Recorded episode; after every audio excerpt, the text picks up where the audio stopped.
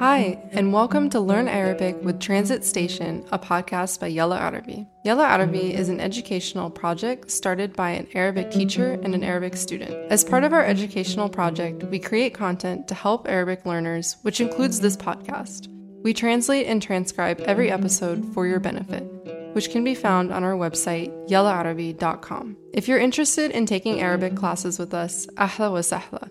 We offer classes both online and in person in Beirut. And if you enjoy our work and want to support us, we have a Patreon account, which is linked in the description.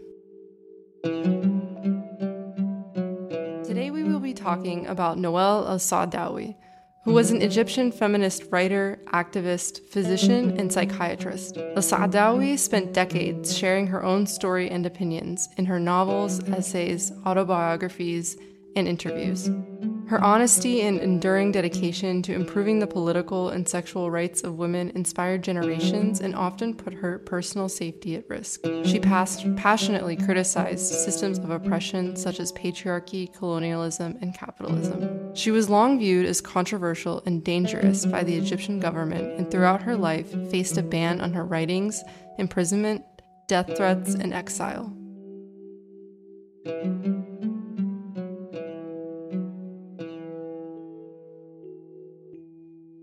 المرحومة نوال السعداوي من مصر من محافظة لقلة بي مواليد 1931 طبيبة أمراض صدرية ونفسية وكاتبة وروائية ناشطة نسوية. كان بيا بيعشق العلم وبيقدره. مشان هيك كان كتير مصر ليدرس كل ولاده. وكان عددهم عشرة ولاد. كان بيا بيشتغل كمسؤول حكومي بوزارة التربية والتعليم وكان كمان من السوار العاشقين للوطن. ولدت بالقاهرة وتخرجت من كلية الطب بجامعة القاهرة عام 1954 وبال 1955 اشتغلت بمستشفى القصر العيني وبال 1956 انتقلت لكولومبيا لتدرس ماجستير علوم الصحة. ورجعت لمصر بعد ما خلصت لنفس الشغل عام 1966 بس انفصلت من الشغل بعد فترة بسبب كتابة المرأة والجنس يلي هاجمت فيه ختان الإناث وحكت بها الكتاب عن حقوق الإنسان بشكل عام وحقوق المرأة بشكل خاص. فكانوا أعداء كتار مش بس الحكومة والمتدينين كمان يلي كانوا يتعرضوا لها كتير. وهددوها بالقتل واتهموها بإهانة الأديان وكانوا يسموها بالكافرة. بال 1981 انسجنت مع بعض المفكرين والصحفيين يلي كانوا معارضين لنظام الرئيس المصري أنور السادات. وطالعوها من السجن بعد اغتيال السادات كان صار لها بالسجن ثلاثة شهور. بس ضلت كتبها محظورة بمصر ووحدة من القصص يلي صارت معها بالسجن. السجان قال إذا بشوف معك ورقة وقلم أخطر ما شوف معك سلاح. بس كانت تكتب مذكراتها على محارم التواليت بقلم الكحلي. وبعد ما طلعت من السجن سنة 1983 كتبت الكتاب المشهور مذكراتي في سجن النساء وقالت كنت بتمنى ابعت رسالة شكر للسادات قل له شكرا لأنك حولت وجعي ومعاناتي لإبداع. وبال 1987 عملت كتاب سقوط الإمام يلي كتبت الفصل الأول منه بالسجن.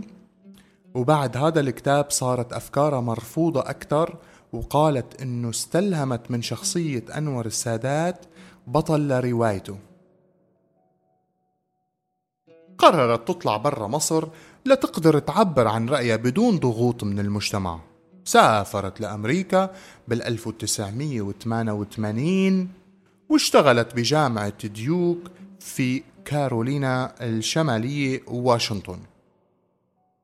بس أفكارها وآرائها كانت طليقة المبدأ والفكرة.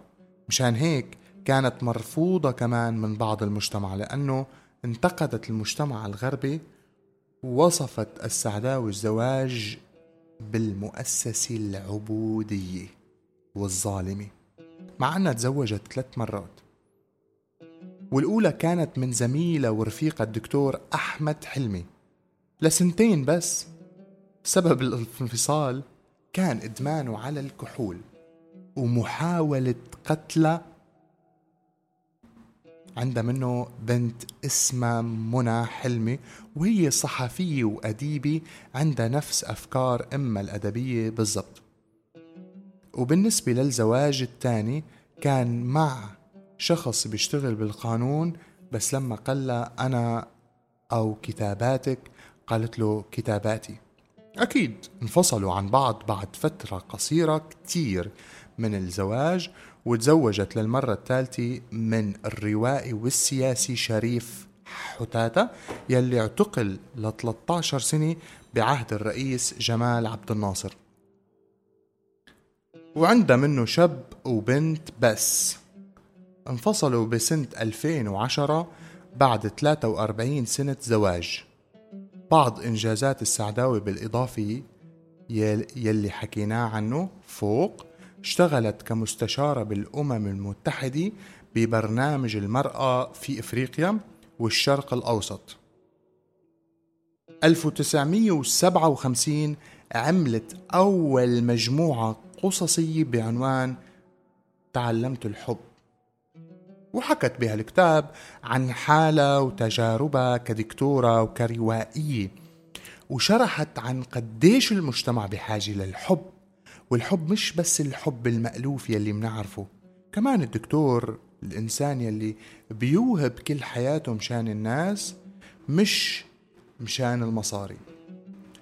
اشتغلت بمجلة الصحة يلي كانت تنشر فيها كل أفكارها اشتغلت بمجلة الصحة يلي كانت تنشر فيها كل أفكارها بدون حدود ولا خوف واشتغلت فيها كرئيسة تحرير اشتغلت نوال السعداوي بوزارة الصحة كمسؤول صحة وكأمين مساعد بنقابة الأطباء وتم طردها بال 1972 بعد ما كتبت المرأة والجنس. وتسكرت مجلتها بنفس السنة. اشتغلت بالمعهد العالي للعلوم والآداب وظلت تكتب عن اضطهاد المرأة العربية يلي انشهرت فيه بسنة 1973 نشرت روايتها الأكثر شهرة المرأة في point zero في بيروت. وبسنة 1976 وفاة الله من قبل النيل. وبسنة 1977 نشرت الوجه المخفي للحواء النساء في العالم العربي سنة 2008 أصدرت كتاب زينة وكتاب ملك وامرأة وإله وامرأة تحدق في الشمس بسنة 2012 وكتاب عن المرأة والدين والأخلاق بسنة 2018 حصلت نوال السعداوي على كتير جوائز عربية وعالمية منها جائزة الشمال والجنوب من المجلس الأوروبي وجائزة ستيك داجرمان من السويد وجائزة رابط الأدب الأفريقي وجائزة جبران الأدبية.